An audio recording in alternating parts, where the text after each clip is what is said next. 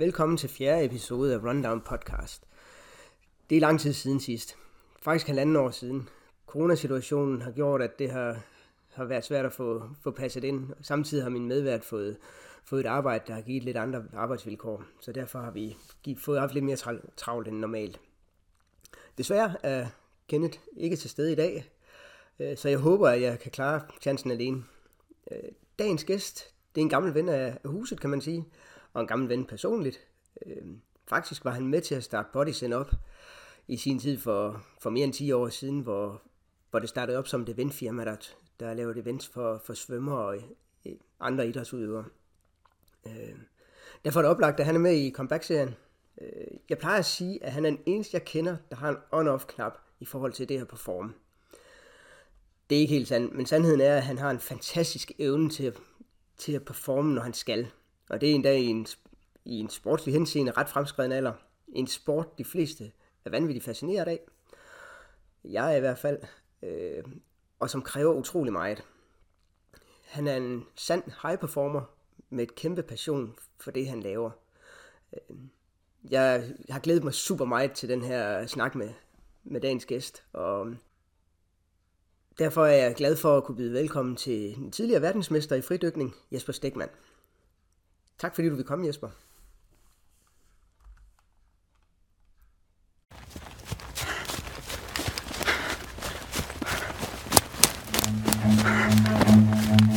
Run.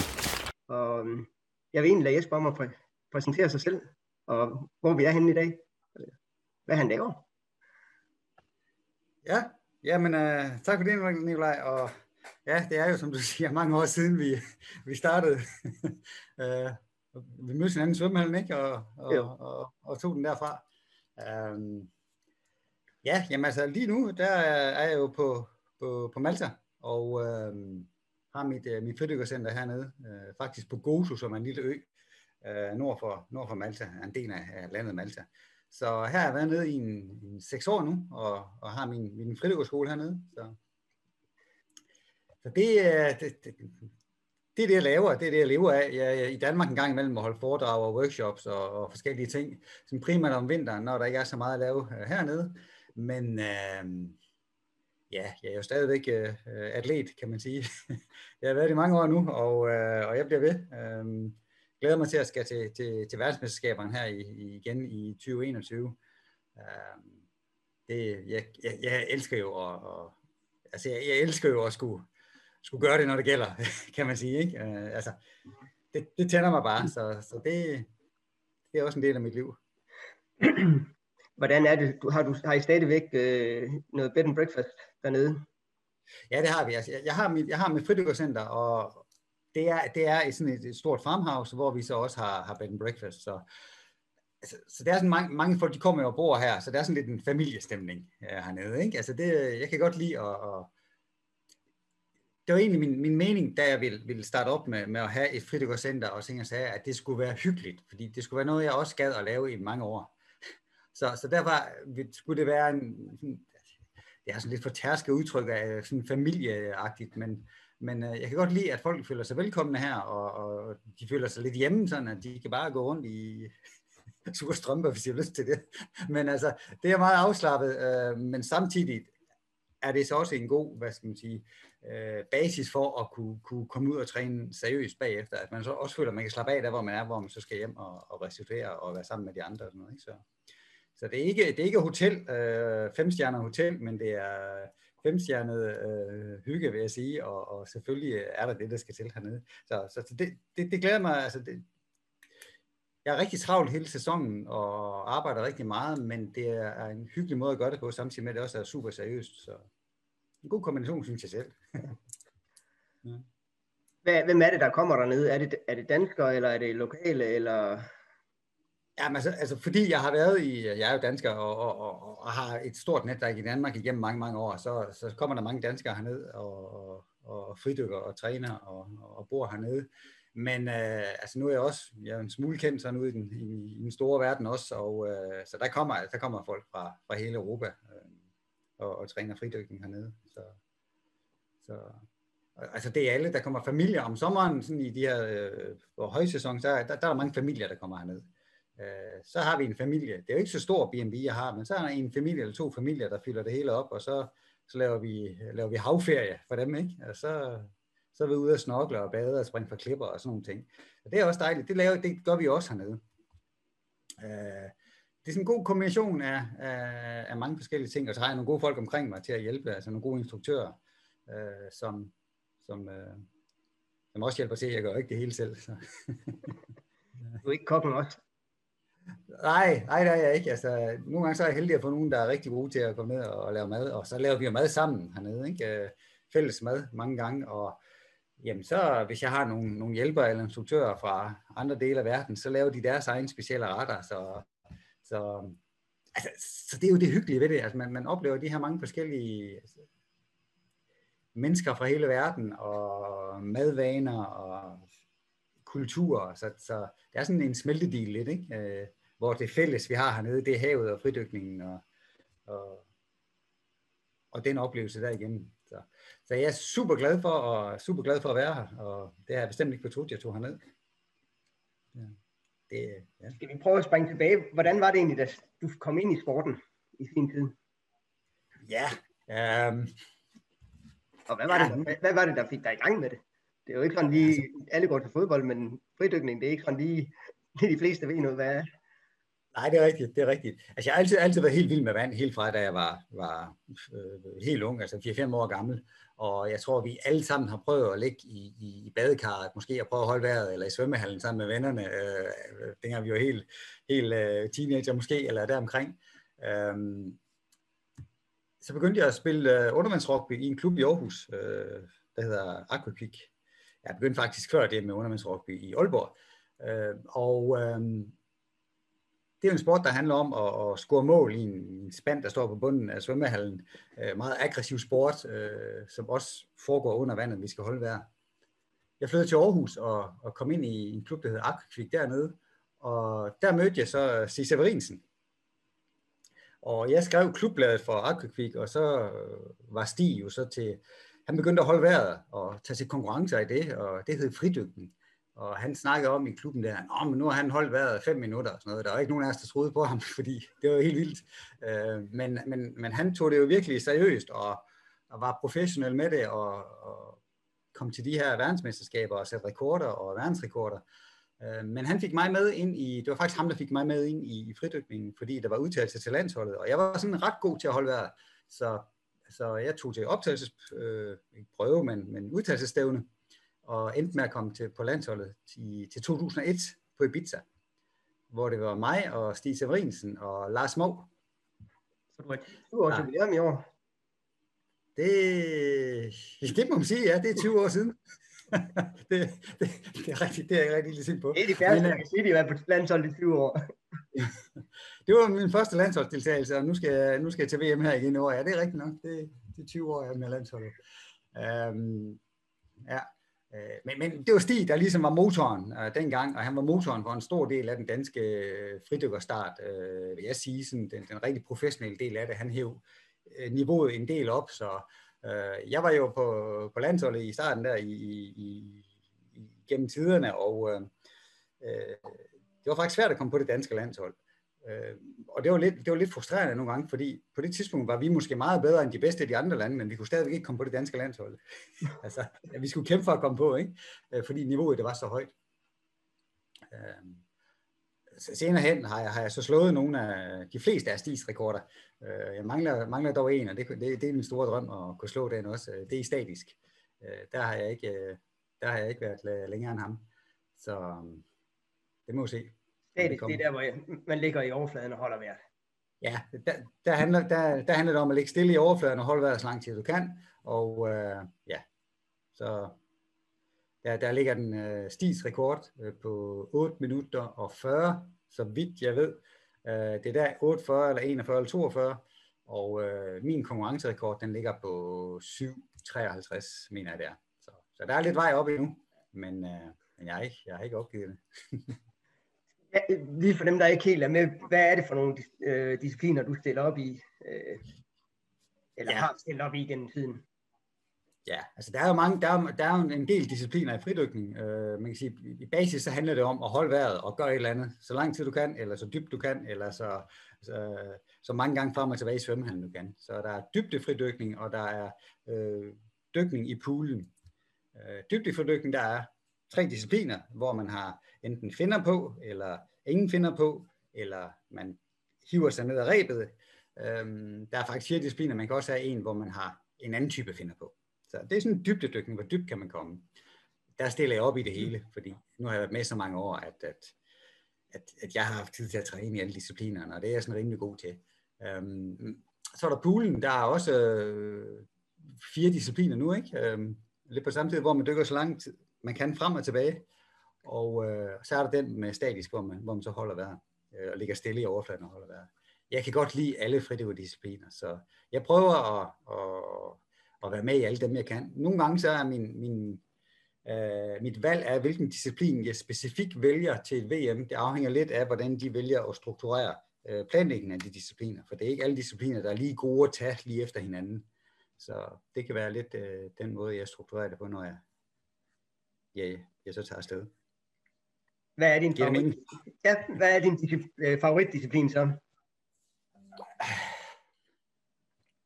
Altså, jeg kan jo godt lide øh, i dybden øh, konstant vægt. At det vil sige, at man dykker med en øh, med monofin, hvor man dykker så dybt man kan med en stor øh, delfinhale på øh, og kommer op til overfladen igen. Øh, jeg er dog grundet mit arbejde hernede, hvor jeg øh, laver rigtig meget bifinder, altså har to finder på. Øh, som instruktør, der ligger jeg med, med to øh, ekstra plader på benene øh, mange timer hver dag.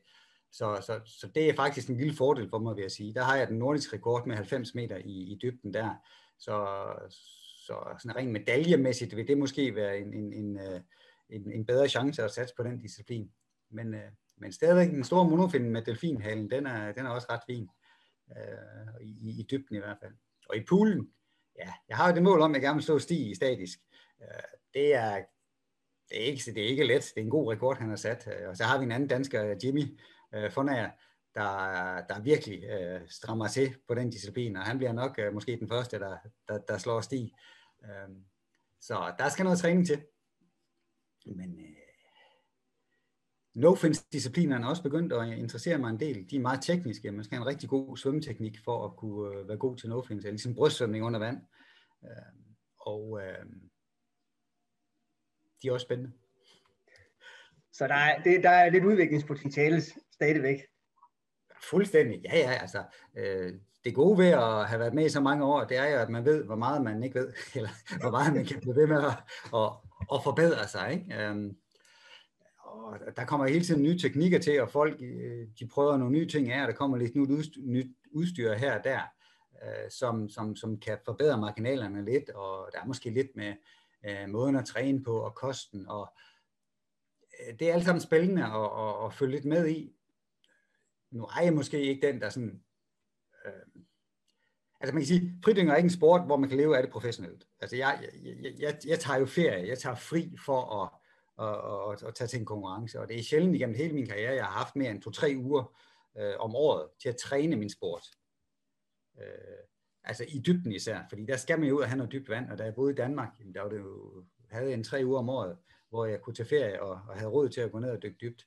Øh, det gjorde selvfølgelig, at jeg blev rigtig god til at optimere min tid og min træningsindsats til, at hver eneste sekund, jeg var afsted på sådan en tur, den gik jeg ud på at, at forberede mig til næste dyk. Hvor at, at, at mange andre, der måske boede ved Middelhavet eller Ægypten, de, kunne godt tage en 3-4 dage fri, og så stadigvæk dykke og sådan noget. Det, det var der jo ikke tid til for mig. Så jeg blev god til at være sådan ret effektiv til at, at, at, at, at træne og restituere, ikke mindst. Men øhm, ja, ja der, der, der er altid plads til noget mere optimering øh, her og der. og du har, har, du, du har den, stadigvæk den danske rekord i, i dybden på med konstant vægt. Ja, det har jeg, det har jeg. Øhm, jeg jeg, jeg, jeg har jo haft alle, øh, alle danske dybderekorder på et tidspunkt. Det har jeg ikke mere. Øh, nu har jeg to danske dybderekorder. Øh, jeg har i konstantvægt med 100 meter, og så har jeg i, i konstantvægt med bifinder på 90 meter. Bifinder, den, den er lidt sværere. Man bruger lidt mere energi på at svømme ned og op. Det er dog i en. Det bliver måske en smule kompliceret, men der er to verdensorganisationer, der, der arrangerer verdensmesterskaber. Og øh, de har hver deres, det er de samme discipliner, men har forskellige regelsæt. Så derfor har vi i Danmark, for konstantvægt har vi to danske rekorder, og det har vi sagt faktisk for alle disciplinerne. Og øh, der er jo Stig Pryds, der også er en stor spiller i Danmark på, på dybden, og lige nu er han faktisk den dybeste øh, danske fridykker. Han har dykket 105 meter, hvor jeg har dykket 102 meter. Men øh, det var dejligt. Det var dejligt. I mange år var jeg den dybeste. Der var ikke nogen at, at, at ligesom skulle slå. Nu har jeg nogen, der skulle slå igen. Altså ligesom øh, Stig i gamle dage. Ikke? Og det er, jo, det er jo det, der tænder. Det er jo ikke, det er jo ikke altid sjovt bare at vide, at man, hvis man gør det rigtig godt, med sikkerhed bliver den bedste. Det, det, det er rigtig sjovt at have en, man skal indhente. Altså det, det, det, det, det er noget sjovt. Der, der er en ny motivation i det. Ja, ja, helt sikkert. Helt sikkert. Ja. Så, så du, øh, du har stadigvæk øh, ambitioner om at skulle, skulle tage de danske rekorder tilbage på, i dybden? Ja, ja, altså det har jeg. Øh, og jeg, jeg mener helt sikkert, at jeg har potentiale til det, og øh, jeg ved, hvordan jeg skal træne for at gøre det.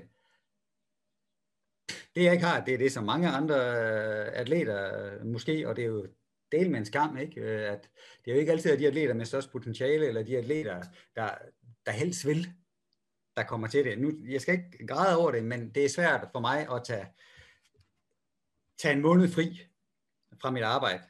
Selvom det er fridykkercenter, jeg har, så er det jo alligevel en måned, jeg skal tage fri fra mit arbejde for at træne op til en konkurrence. Og det koster mange penge. Nu ligger konkurrencerne ofte øh, der, hvor alle andre de gerne vil træne.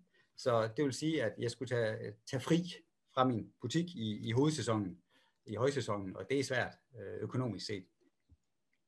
Så derfor så arbejder jeg, altså jeg arbejder stærkt på at se, om jeg kan finde nogle samarbejder, hvor vi kan, vi kan finde en løsning på, at det kan lade sig gøre, at jeg kan, jeg kan, jeg kan træne optimalt. Så hvis jeg kan det, og hvis jeg gør det, så er jeg sikker på, at, øh, at mig og Stig, vi skal få nogle sjove uh, battles i fremtiden også, så det, det bliver godt. Hvad er, hvad, er, hvad er fascinationen ved det her? Fordi det er jo ikke en, det er jo ikke en sport, som vi kan alle sammen se billederne, hvad det fascinerer, men er det det mentale aspekt, eller er det det her præstationsmiljø, øh, som du fascinerer dig mest? Altså jeg tror, altså det er begge dele. Ikke? Altså, for mig er det her meget, det, det er en mental ting. Øh, det er en sportsgren, hvor det handler rigtig meget om, at når det gælder, så skal du slappe helt af. Du, du, du kan ikke være spændt. Du, altså, du skal finde det rigtige spændingsniveau i hvert fald. Og det rigtige spændingsniveau til fridykning, det ligger måske meget lavere end så mange andre sportsgrene. Øh, fordi det gælder virkelig om at være blød i kroppen, blød i sindet, øh, blød i det hele, men alligevel at være parat. Og øh, den kombination er at virkelig skulle præstere. I morgen kl. 10, der skulle du dykke 106 meter, lad os sige det. Det er dansk rekord, hvis jeg, jeg kommer dertil. Øh, og kunne sætte sig op til at slappe helt af, når det virkelig gælder. Det er, det er sgu, øh, Øh, undskyld, jeg bander, men, men det er det, der fascinerer mig. Øh, jeg har også styrket undervandsrugby, så, som jeg sagde før, og der gælder det simpelthen bare om at det er bare fuld speed, ikke? Når, når klokken ringer, så er det bare ud over stepperne, ikke? Og øh, her gælder det lige det modsatte, og det er altså en sjov ting. Øh, ja, og jeg elsker det der med, at når til, til, i konkurrencesituationen, ikke, de siger to minutter til start, så hele min verden, den, den, øh, den ændrer sig totalt. Altså det, det er sådan, uh, så zoomer man ind i det her rum, og, hvor man skal til at dykke og sådan noget, og det elsker jeg simpelthen. Ja. Ja. Øh, jeg kan godt lide at konkurrere. Jeg, kan godt, jeg elsker at konkurrere. Og jeg har ikke noget med at tabe. Overhovedet. Fordi det er ikke at tabe i virkeligheden. Det er bare, altså, jeg har ikke noget mod at blive nummer to, eller tre, eller fire. Men, jeg, men jeg, jeg, jeg hader, hvis jeg ikke kan være med i kampen. Så du mig? Jeg hader at skulle tage til et VM, og ikke være top forberedt. Hvis jeg er top forberedt, og jeg gør mit bedste, jamen så, så, så når jeg dertil, hvor jeg når, og hvis der er nogen, der er bedre, så er de bedre. Men det er rigtig frustrerende at skal til en konkurrence, hvor man ved, ej, jeg kunne have, jeg kunne have trænet det her bedre, jeg kunne have forberedt mig så meget bedre, men det, det, det skete så ikke, eller det var ikke en mulighed, eller hvad man nu øh, kan finde ud af. Det kan jeg ikke lide. Jeg kan godt lide at være med i kampen, og så sige, okay, lad os så se, nu ser vi, hvem er, hvem er den dybeste, eller hvem, hvem vinder her. Ikke? Så, ja. Jeg sagde lige, mens du, øh, da jeg lavede præsentationen, der tror jeg lige, du var, var ude. Øh, der snakkede jeg om den her berømte knap, vi har snakket om mange gange, den her performance, ja, ja, ja. som jeg, jeg mener, du har, har bygget ind et eller andet sted. Øh, fordi selv de år, nu har jeg jo kendt dig en del år, hvad, har stået på sidelinjen og, og kigget, når du har deltaget i mange VM. Øh, selv de år, hvor du har sagt, at på grund af arbejde og alverdens andre ting, ikke har været optimalt forberedt, så du alligevel kommet hjem med et eller andet, som du, da du tog afsted med, ikke havde troet selv på, eller ikke måske dybt inden havde vidst, at du kunne, men ikke rigtig alligevel vi ud med, at du kunne. Ja, ja. Du var aldrig rigtig, sådan som jeg husker det, faldt fald igennem til de store mesterskaber. Nej, der sker jo et eller andet. Nå, der, altså, der sker jo et eller andet, når, at, øh, når det er nu, øh, og, og, og når man skal. Og, og i og med, at det er en sport, i dybden i hvert fald, øh, måske også, også i poolen, hvor det handler ikke så meget om, hvilken styrke jeg har til at dykke nedad. Altså fordi, når jeg kommer ned under en vis dybde, så skal jeg bare falde der nedad. Så det handler egentlig bare om at vente, øh, indtil man når bunden, og så kunne slappe af og kunne trykke og lave alle de her ting og sager. Øh, jeg, øhm. jeg, jeg ved det ikke. Altså, jeg, jeg, jeg, jeg er bare blevet rigtig, rigtig god til at... Øh, og jeg tror, det er fordi, jeg elsker det. Det er fordi, jeg trives med den her situation. Nu er det nu, Marker. Øh, og, og det, er der, det er der rigtig mange andre, sådan som jeg oplever det i hvert fald, som kan være super gode i træningen, og de træner hele året, og de når ned på nogle utrolige dybder. Men når der så står en dommer der, og, og tv-kameraerne er på, og, det, og nu er det nu, det gælder, og nu er det nu, du skal slappe helt af. Nu er det nu, det sker. Så, så kører pulsen op, og så sker der nogle ting og sager, som de ikke har, har helt kontrol over, og derfor får de nogle dyk, der ikke, øh, ikke, ikke giver de samme resultater, som, som jeg for eksempel oftest rammer, når, når jeg dykker. Og så gælder det også om, at jeg er rigtig god til at vide, hvor, hvor ligger min grænse, øh, eller hvor ligger den sådan cirka. Øh, og så sætter jeg selvfølgelig min, min, min, jeg sætter bare en ret højt, eller jeg måske skulle sige ret lavt i det her tilfælde, øh, sådan at jeg ved, at hvis jeg, det, det må gerne være sådan lidt, øh, lidt øh, ukomfortabelt. Det må gerne være sådan, jeg ved sgu ikke rigtigt, om jeg, eller undskyld, jeg vander, jeg ved ikke, om jeg når helt herned, men måske gør jeg. Og, øh, det kan jeg bare godt lide. Jeg kan godt lide at være der, hvor jeg skal presse mig selv. Der er ikke noget sværere end at lave let dyk. Øh, det, det er de sværeste. Ja. Og igen, lige for dem, der ikke er med, så, så sætter I dybden på forhånd, i, når I melder ud, hvor, hvor langt I vil ned. I, man dykker ikke bare ned, og så nu rammer jeg 105 meter. Jamen, jeg tager lige 5 meter mere. Øh. Nej, det gør man ikke. Altså, man, og det er sådan lidt af sikkerhedsårsager, at der skal være, der skal være en, en, en maks dybde, man, man, man ligesom melder ud, og derfor er du ikke lov at dykke dybere end det. Øh, de har faktisk lavet nogle regler her på de senere år, at man skal bevise, at man har trænet ned til 5 meter under den dybde, man melder ud. Øh, der skal man have et træningsresultat til, fordi man må ikke dykke mere end 5 meter dybere, end at man har trænet til. Det synes jeg måske er lidt fis, men altså, lad, lad dem sådan om det. Øhm, det gør jeg alligevel, men at den er en regel, det, anyway, det, er, det er helt andet. Altså, jeg synes, at hvis en atlet ved, at de kan, så skal de også have lov. Øhm, men nej, vi melder ud på forhånd, og så får vi lov til at dykke ned til den dybde, og hvis vi klarer den, jamen, så får vi så det antal point. Hvis jeg dykker 100 meter, så får jeg 100 point. Øhm, og hvis jeg så ikke dykker helt 100 meter, så får jeg nogle strafpoint, så, så bliver det så mindre. Så, så det er sådan en måde, en resultat bliver regnet ud på. Og øh, til modsat i poolen, der kan vi dykke så langt vi vil. Der er ikke nogen, nogen øh, max, max øh, længde på. Men øh, ja. Nu bringer du lidt ind i forhold til de her nye, nye regler her, men de her farer, der trods alt er ved, det er jo ikke en, det er, den går jo ind under ekstremsport, øh, den her sport. Er det noget, du, der nogensinde ligger i baghovedet, eller er det noget, der fylder noget, og har der været nogle oplevelser, hvor, det, hvor du føler, at nu var du på, på grænsen? Ja, ja, altså jeg, jeg føler at altid, at jeg er på grænsen. Hvis ikke jeg føler, at jeg var på grænsen, så var mit dyk jo ikke dybt nok. Altså, øh, og det, det, er jo ligesom der, det er jo ligesom der at øh, øh, det er jo den, man skal finde, og så skal man, man, man, man sætte sig til, til ro med, at øh, det er okay, det må gerne føles sådan. Øh, men jeg er altid endt tilbage i overfladen. Jeg har haft et par enkelte, enkelte blackouts, det vil sige, at jeg mister bevidstheden i, i overfladen, fordi jeg ikke havde ilt nok. Jeg havde simpelthen ikke øh, benzin nok på tanken til at, at holde den helt kørende hjem. Øh, det i sig selv er ikke særlig farligt. Øh, det, der kan være farligt, det er, hvis man ikke er fleksibel nok i kroppen og, og, og dykker for dybt. Øhm, øhm, måske er ens hoved lidt, men mentalt er man lidt for stærk til, til hvor blød kroppen er. Fordi det handler også om at kunne, kunne hvad skal man sige, absorbere det tryk, som, som vandet giver dig, når du dykker dybt ned i havet, og være blød i kroppen, samtidig med, at du er, er stærkere afslappet i dit sind. Øh, hvis du presser for meget med den ene af de her dele, så, så kan det gå galt, og, og det ser jeg desværre også. Øh, ja, en ekstrem sport, det er det bestemt, og det er derfor, den, den er så spændende, fordi det handler om at, at lære dig selv at kende.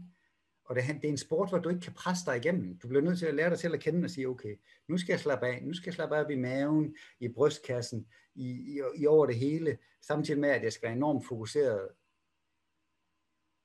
på at måske at være ufokuseret i det mentalt. Øh, og så er det klart, så når man ned til bunden, og når så på vejen opad, så er der jo lang vej op, og det kræver virkelig nogle muskelkræfter og noget, noget mentalt øh, ro og, og komme til overfladen igen. Fordi hvis du først panikker på vejen op, så bruger du meget med ilt, og så kommer du sikkert ikke op. Så det handler om, uanset hvad der sker, det eneste vi har kæmpet med, det er vores evne til at slappe af. Og det synes jeg er spændende.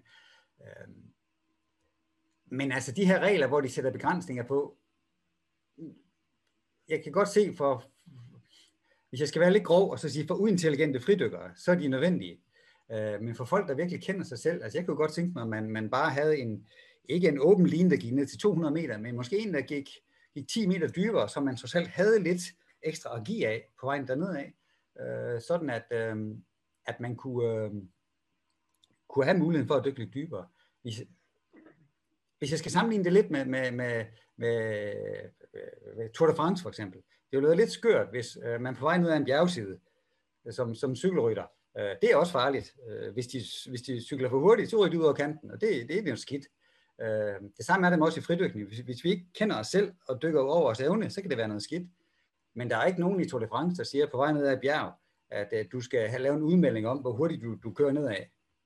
Øh, og hvis du, hvis, du, øh, hvis du kører for langsomt ned ad bjerget, så får du strafpoint. Og du må heller ikke køre hurtigere ned ad bjerget. Vel? Øh, det må være op til den enkelte atlet at finde ud af, hvor hurtigt vi kører ned ad de bjerg her, for det er sikkert for mig. Og det synes jeg egentlig også, det skulle man implementere lidt mere i fridykning, fordi det, det gør, at, at ansvaret for sikkerheden bliver lagt over på atleten selv, og ikke så meget på organisationen, og det kan jeg godt lide.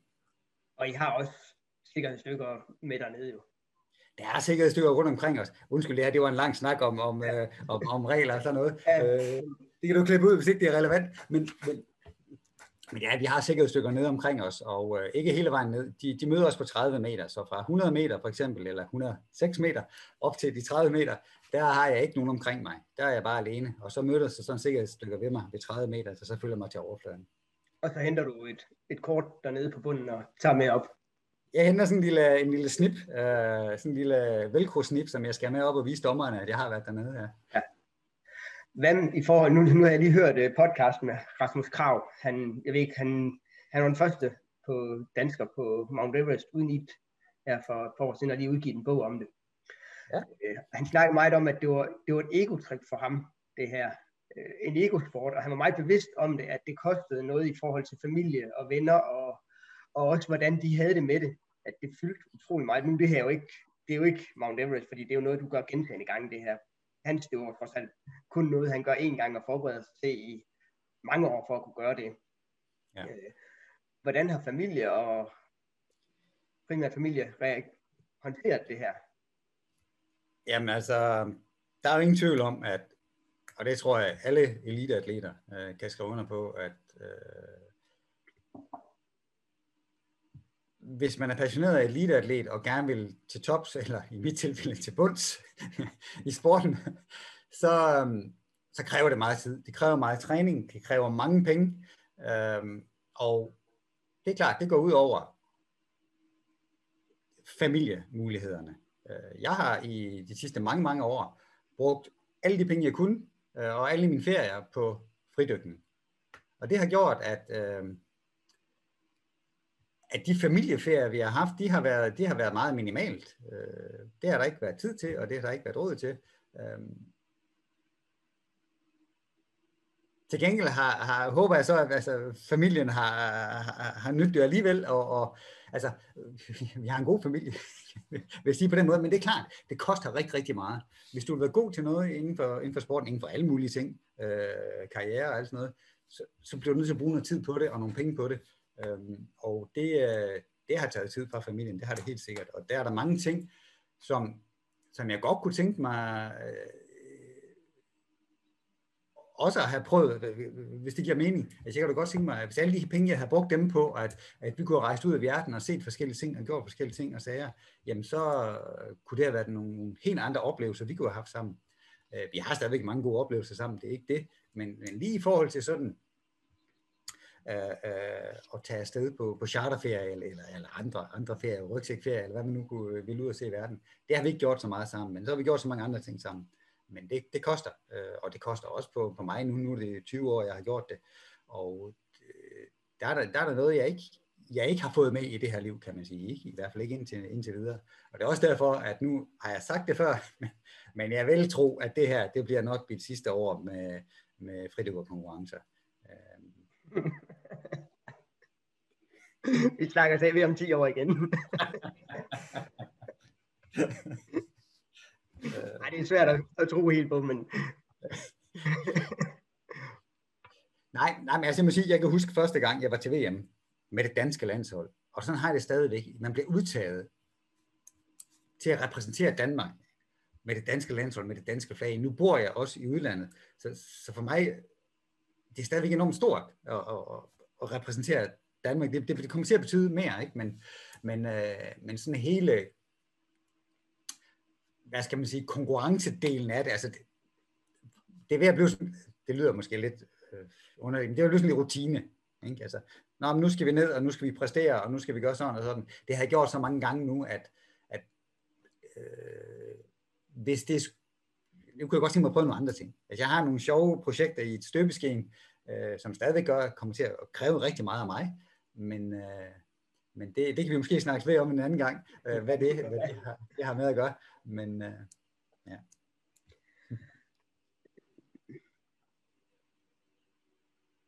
Jeg skal prøve, nu skal jeg lige se. Øhm, det her fridykning som profession, øh, nu har du det dykkercenteret, og øh, hvad er det for nogle, der kommer ned til dig? Er det fridykkere, der har på, på højt niveau, der kommer, eller er det, er det også folk, der bare vil prøve fridykning? Ja. Det er jo, øh, nu heldigvis min kæreste var jo med på, at vi skulle, øh, vi skulle øh, åbne det her sammen, øh, vores, øh, vores skole hernede og øh, hun er selv blevet en fridykkerinstruktør og elsker havet og vandet, så nu har vi alle de oplevelser sammen med vores kunder og vores gæster og, og, og, og dele dem. Det er i hvert fald øh, øh, det er noget af det, jeg, jeg er rigtig, rigtig glad for. Øh, det er alle mennesker. Fridykningen er ved at udvikle sig lidt til, at folk er ved at finde ud af, at det her det er godt noget, vi kan. Det kan vi gå til. Det kan godt være, at vi skal dykke på 100 meter og presse os og lave alle de her skøre ting, som, som jeg render og laver i min, i min atletkarriere. Men mange finder ud af, at det er rigtig dejligt at komme ud og, og måske snorkle, snorkle lidt dybere, holde vejret lidt, finde ud af, hvordan trykkeliner man, og få lov til at komme ned og opleve den her verden under, under, under overfladen på en ny og rolig og anderledes måde. Øh, det er sådan, når familierne kommer herned, og folk, der godt kunne tænke sig at prøve fridykning. Øh, jeg tror, det er lidt ligesom øh, kajak på et eller andet tidspunkt, også var blevet enormt populært, hvor folk finder ud af, at vi kan rent faktisk få en kajak og sætte os på havet og komme ud og nyde naturen. Det samme kan man med fridykning, og det oplever vi mere og mere. Fridykning boomer i de her år, og øhm, ikke så meget under corona her, men... men øh, der er ikke noget, der er meget, der boomer i den, den scene der. Nej, så, så det, er, det er alle folk, der kommer herned. Som sagt, så, så er vi... Altså, jeg har, jeg har både elitefolk, der kommer ned og træner, og vi har øh, rigtig, rigtig mange, øh, faktisk måske overvægten af begynder folk, der gerne vil ned og finde ud af, hvad er det her for noget? Du vil gerne prøve den her fridykning og kommer hjem med en god oplevelse. Ah, nej, det var virkelig en spændende ting. Så hvis man, altså det er sådan lidt snorkling og lidt dybere snorkling. Det, det, har, det har vi rigtig mange, der er interesseret i at, at begynde at opleve. Øhm, nu øh, i år, der øh, opgraderer vi vores øh, center hernede med en, en båd og nogle, nogle fast monterede dybdeliner, der gør, at øh, vores hvad skal man sige, elite del bliver lidt mere struktureret og lidt mere streamlined og, og op til standard, end, end den har været før. Fordi simpelthen folk begynder at dykke dybere, så, så vi, skal, vi, skal have, vi skal have nogle nye med øh, et nyt setup hernede. Så, ja. Hvad med, hvad er fremtiden dernede for dig? Nu siger du selv, at nu, nu, nu er det slut med konkurrence, fri dykning. Men du har stadigvæk ambition om at skulle, øh, skulle slå nogle rekorder og sådan noget, så har du lidt travlt i år, kan man sige. ja, ja, men det har man. Altså, man, man altså fremtiden, altså, grunden til, at, at det ser rigtig godt ud i år, det er, at på grund af corona og alting har lukket hernede, så det eneste, jeg egentlig kunne, kunne gøre hernede, er at træne selv. Så for første gang, måske nogensinde, øh, har jeg haft tid til at træne hernede for mig selv øh, i en længere periode. Det har jeg aldrig prøvet før i hele min karriere. Så, så derfor kunne i år godt være, være året, hvor jeg virkelig øh, sætter de her rekorder og, og ligesom får ja, måske bundet en god sløjfe på hele karrieren og sige, at det var, det var så det, fordi nu, jeg har nogle andre projekter i støbeskinen, sådan rent, altså atletmæssigt. Jeg er jo en atlet, og jeg er en, en performer, og jeg vil altid finde noget at performe indenfor, øhm, og sandsynligvis i havet. Jeg har nogle, nogle dybe dyk ind i huler, og noget, jeg gerne vil prøve at undersøge, og, og, og bringe lidt ud til verden. Så, så øh, det, det er fremtiden, og så har vi jo skolen hernede, og, og, og, og skal dyrke den. Jeg øh, har noget i støbeskeen til Danmark også. Det kan jeg ikke lige komme så meget ind på nu, men, men øh, der, det, jeg kan lige kontakte, når jeg har lidt mere nyt med, med det. Øh, ja. Ja, planen er... Fremtiden ligger stadigvæk på Malta.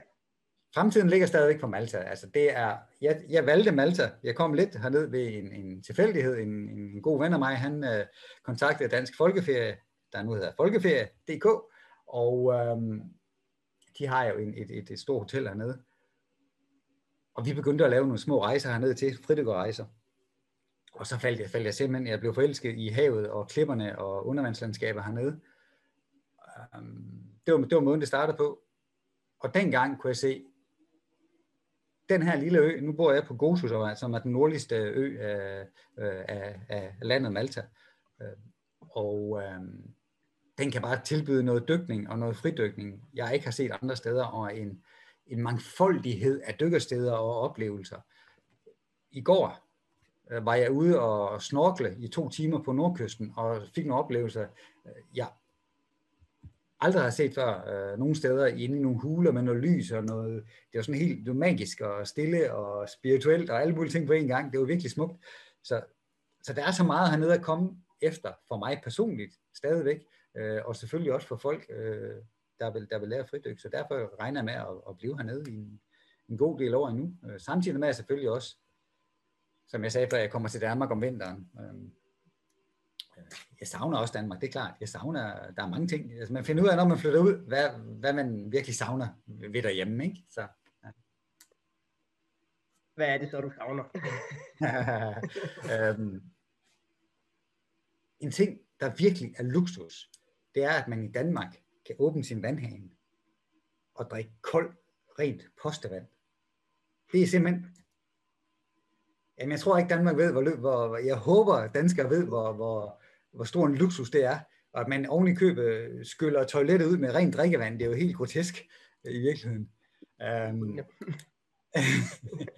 Øh, det savner jeg. Så, øh, som vi siger, hernede på Gose, der er ikke så meget øh, træer og natur. Så danske skove og bøgeskove om foråret og øh, det, det savner jeg. Øh, duften af nyslået græs og sådan noget. Hernede er det jo mest klipper og, og kaktusser og sådan nogle ting. Så, øh, det, det er nok de to ting, jeg, jeg savner mest. Det, det er ren drikkevand. At der er også rent drikkevand hernede, det er slet ikke det. Men, øh, men øh, og så den danske natur, sådan duften af, når det lige har regnet. Det regner jo ikke så meget hernede. Og man går ud i, i skoven der og, og, og dufter det. Øh, årstiderne øh, savner jeg. Så er der noget mad selvfølgelig, du ved, øh, danske sild og sådan nogle ting. der, det må vi have sendt ned til dig. ja, ja, jeg plejer altid at sige til folk, når de kommer herned, tag lige nogle sild med. det, det er rigtig godt. Um, nej, og så, nu har vi jo heller ikke set hinanden undtagen her i, i, i lang tid, og når jeg er hjemme, jamen, så er det jo typisk noget med, at, at uh, så prøver jeg at se så mange forskellige folk som muligt, at, uh, som, uh, som jeg lige har tid til, men, men du ved jo selv, hvor svært det har været, at vi lige har kunne stikke uden sammen. Ikke? Det har været sådan lige øh, en halv time i, inde i butikken, og så ja, ja. et håb ja. om, at vi, ej, vi må lige prøve at se næste, øh, se ja, det kunne, derude, når du er hjemme, om det kan lade sig gøre igen. Det er kun dig, der skal ind efter nye løbesko. Så. ja. Tror du løbet i det hele taget så? Um, jamen jeg gør det altid, når jeg lige får de nye sko, så løber jeg altid en masse ture. Men øh, ej, det er klart, i, i sæsonen, må jeg sige. Øh, nu har jeg starter min, min dykkersæson. så, så får jeg ikke tid til at, at løbe. Jeg har ikke kræfter til at løbe simpelthen, så ligger jeg jo i, i vandet øh, mange timer. Men om vinteren, der er jeg faktisk begyndt at, at løbe lidt rundt hernede. Der er nogle rigtig dejlige løbeture ude ved klipperne, ude ved havet. Så, så det kan være, at du skal ned en dag og, eller en gang og, og løbe lidt med. Vi har jo troet med, at vi skulle på ferie dernede i, i mange år efterhånden, og nu er børnene heldigvis så ved at være i en alder, hvor, de, hvor, det, hvor man gider at have dem med i, i fly. fly.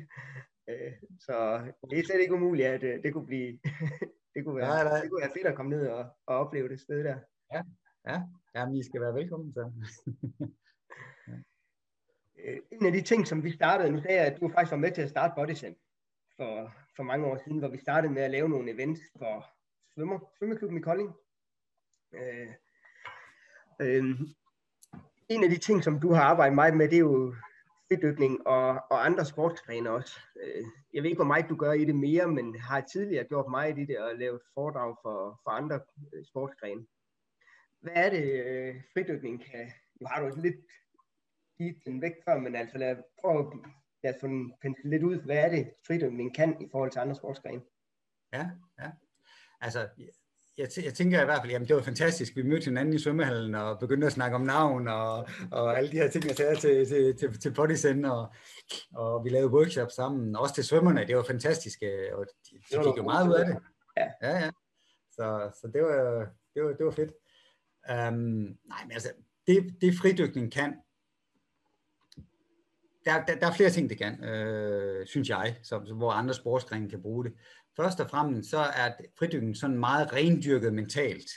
Øh, hvor, man, hvor, hvor det handler om at restituere og slappe af og mærke efter, hvor mange ressourcer har jeg i min krop, og tro på, at der er flere ressourcer i virkeligheden, end man, man måske tror, at hjernen ikke kommer ind og forstyrrer og siger, nu kan jeg ikke mere. Øh, det, det er den ene ting, hvor man, man kan bruge fridykning og, og, og træningsteknikker til at få en oplevelse af, hold da op, jeg kan faktisk ret meget mere, end jeg troede, jeg kunne. Det kan man gøre i mange andre sportsgrene også, men her bliver det bare så meget fokuseret på, hvor stor en del af det er, er hjernens tanker og det mentale, der afgør, hvor meget du kan. Øh, kroppen er simpelthen koblet fra i nogle af de øvelser, vi laver. Det er kun det mentale, der afgør, hvor langt du kan. Og når man kan komme ind og finde ud af, at, at få den oplevelse, åh, oh, jeg kunne så meget mere her, hvad kan jeg så ellers også så meget mere i alle mulige andre om, og, øh, hvad hedder det, øh, områder, ikke? Øh, øh, fridykning handler, det handler ikke om at presse sig selv, øh, eller kontrollere, hvor meget man kan, eller bare give den gas. Det handler faktisk om at give slip, og så bare, bare, bare blive ved. det er måske lidt svært. Der var, der, hvad hedder det, um, nu har jeg glemt hans navn. Um, vi kan lægge det ind efterfølgende, hvis... Uh, i, ja. i, men, men han, svøm, han, han svømmede til fordel for Dansk, øh, Dansk Lungeforening, som jeg også arbejder en del sammen med, uh, til Christiansø. Uh, en lang, lang svømmetur, og, og, og jeg trænede lidt med ham i forhold til sådan det mentale med at holde vejret og bare blive ved og sådan nogle ting, og hvor han sagde, jeg kan ikke forstå, det var, det var noget i dur med, at hvordan du bare kan blive ved med at presse dig selv til at blive ved. Og det handler ikke om at presse sig selv til at blive ved. Det handler om simpelthen at, at give slip og lade kroppen restituere så meget, når den kan. Og så simpelthen bare... altså, når kroppen ikke kan mere, så kan den ikke mere. Vi skal bare ikke lade det være vores hjerne, der siger stop. Det skal være kroppen, der siger stop.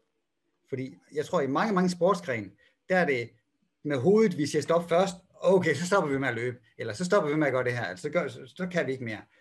Og i fridykning, der handler det rigtig meget om, at, at, at hovedet det vil også rigtig gerne sige stop, lang tid før vi er færdige. Og der træner vi simpelthen i, øh, på en, en helt rolig og kontrolleret og stille måde, at give slip på hjernen, give slip på den begrænsning. Øh, og den er til at styre, fordi det sker sådan langsomt og løbende, og man får en god oplevelse af det. Hold da op, det her det kan jeg virkelig, når jeg giver slip. Og det samme kan man overføre til mange andre sportsgrene, tror jeg. Øh, rigtig store eliteatleter, de har det selvfølgelig inde i, inde, inde i systemet. Men når man gerne vil derop, og hvis det er det, der er begrænsningen, prøv at tænke over, når du laver sport, er det, er det mit hoved, der siger, nej, nu stopper jeg, eller er det rent faktisk benen, der ikke kan flytte sig mere? Øh, og der er altså en forskel. Ofte så er det jo nok hovedet, der siger, hvad pokker er det, du har gang i nu? stop, stop, stop, stop, ikke? Og så er det den der lille stemme ind i hovedet, eller på den anden skulder, om det er englen og djævlen, der sidder der, eller hvad det er ja, ja. Kom nu lidt. Du kan sgu godt lidt mere nu. Så, ja, ja. Så kan man godt lidt mere.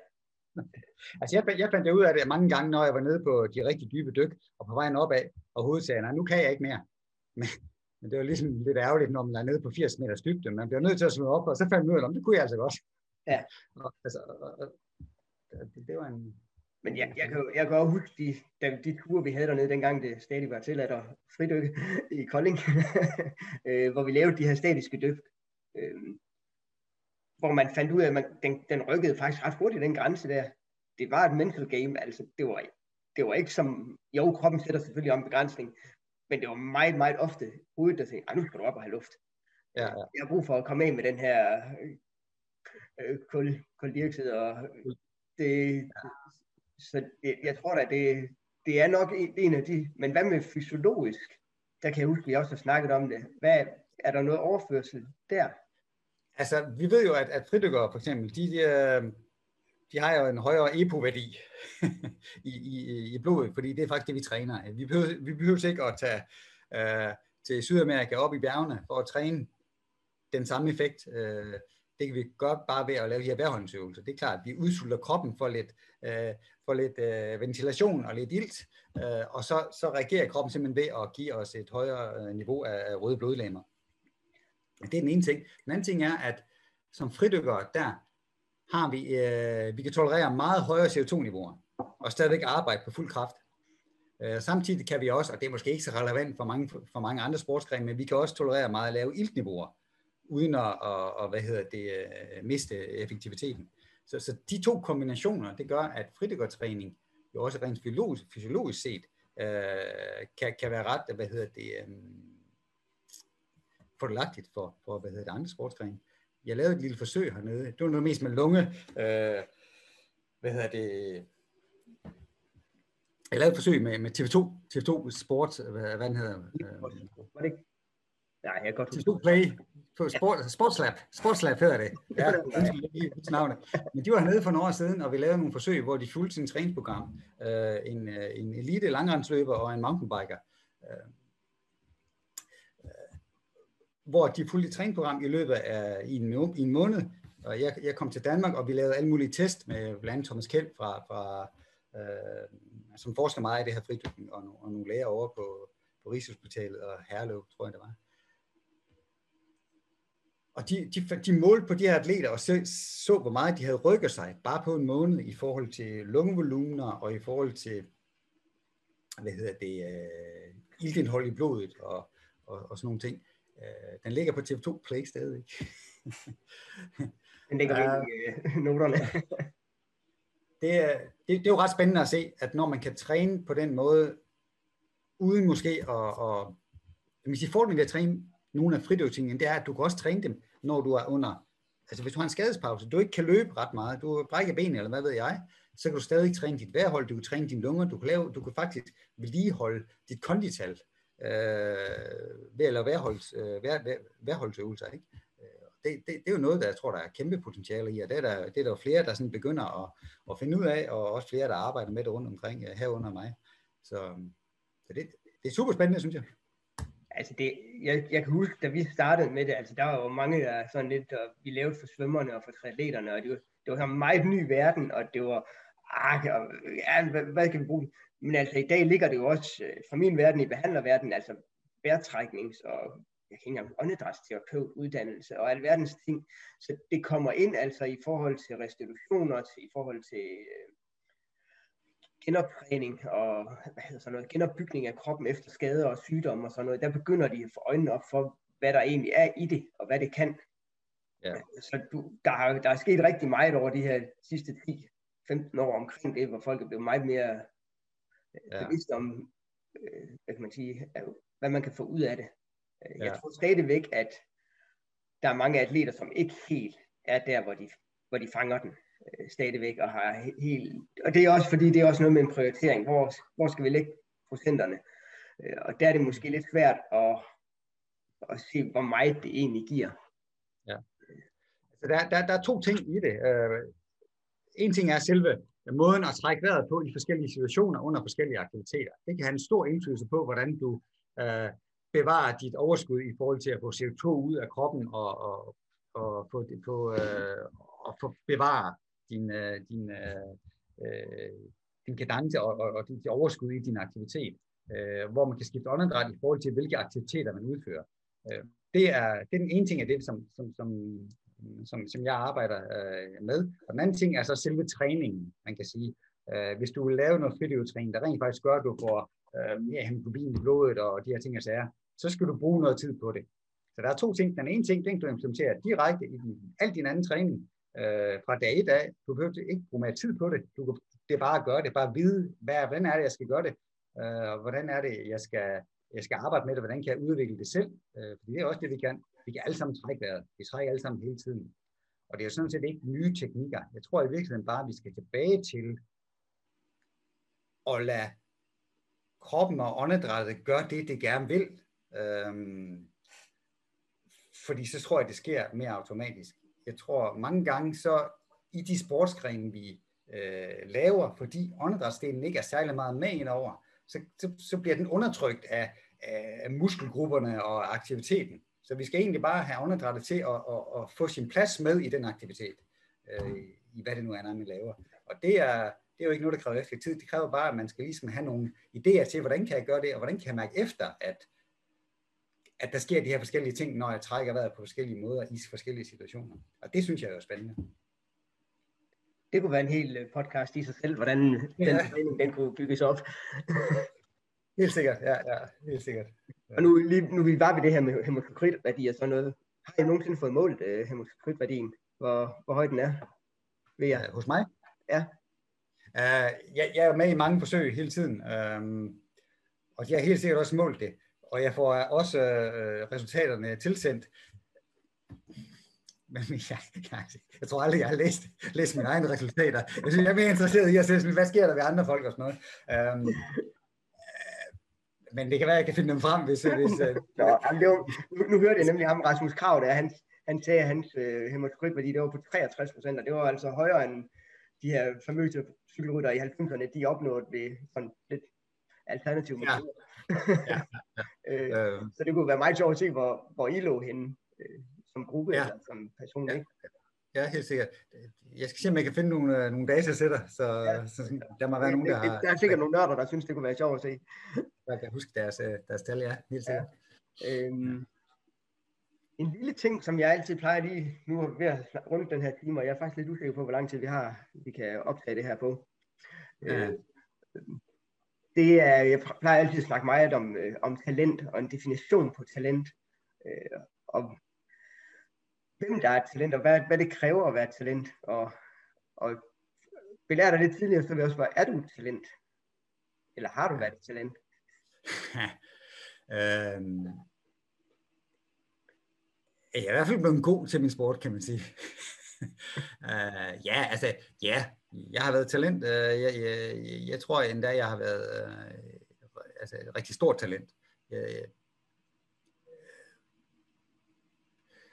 på den måde, at jeg, jeg har været god til at blive rigtig god med begrænsede midler, kan man sige. Øh, så må man være talent, ikke? Altså, jeg har, jeg har været blandt øh, de bedste i verden. øh, top 5 i mange år. Og konkurreret med andre folk, som, som, som virkelig trænede igennem, og som virkelig havde øh, mange flere midler til rådighed. Øh, men jeg, jeg tror, når, når, jeg, når jeg siger talenter, og jeg spotter talenter i fridykkerverdenen, så kigger jeg mere efter, you know, øh, folk gerne vil dykke dybt, for eksempel, så det første, jeg spørger dem om, hvorfor vil du det? Hvorfor vil du gerne dykke dybt? Hvad, hvad vil du med det her? Altså, hvad, hvad, hvad, er, hvad er det, der driver dig? Hvis det er fordi, du gerne vil have taget et, et eller andet billede til Instagram, eller, eller noget andet, eller bare øh, skrive ud i verden, at nu har jeg været der og der, så er det ligegyldigt.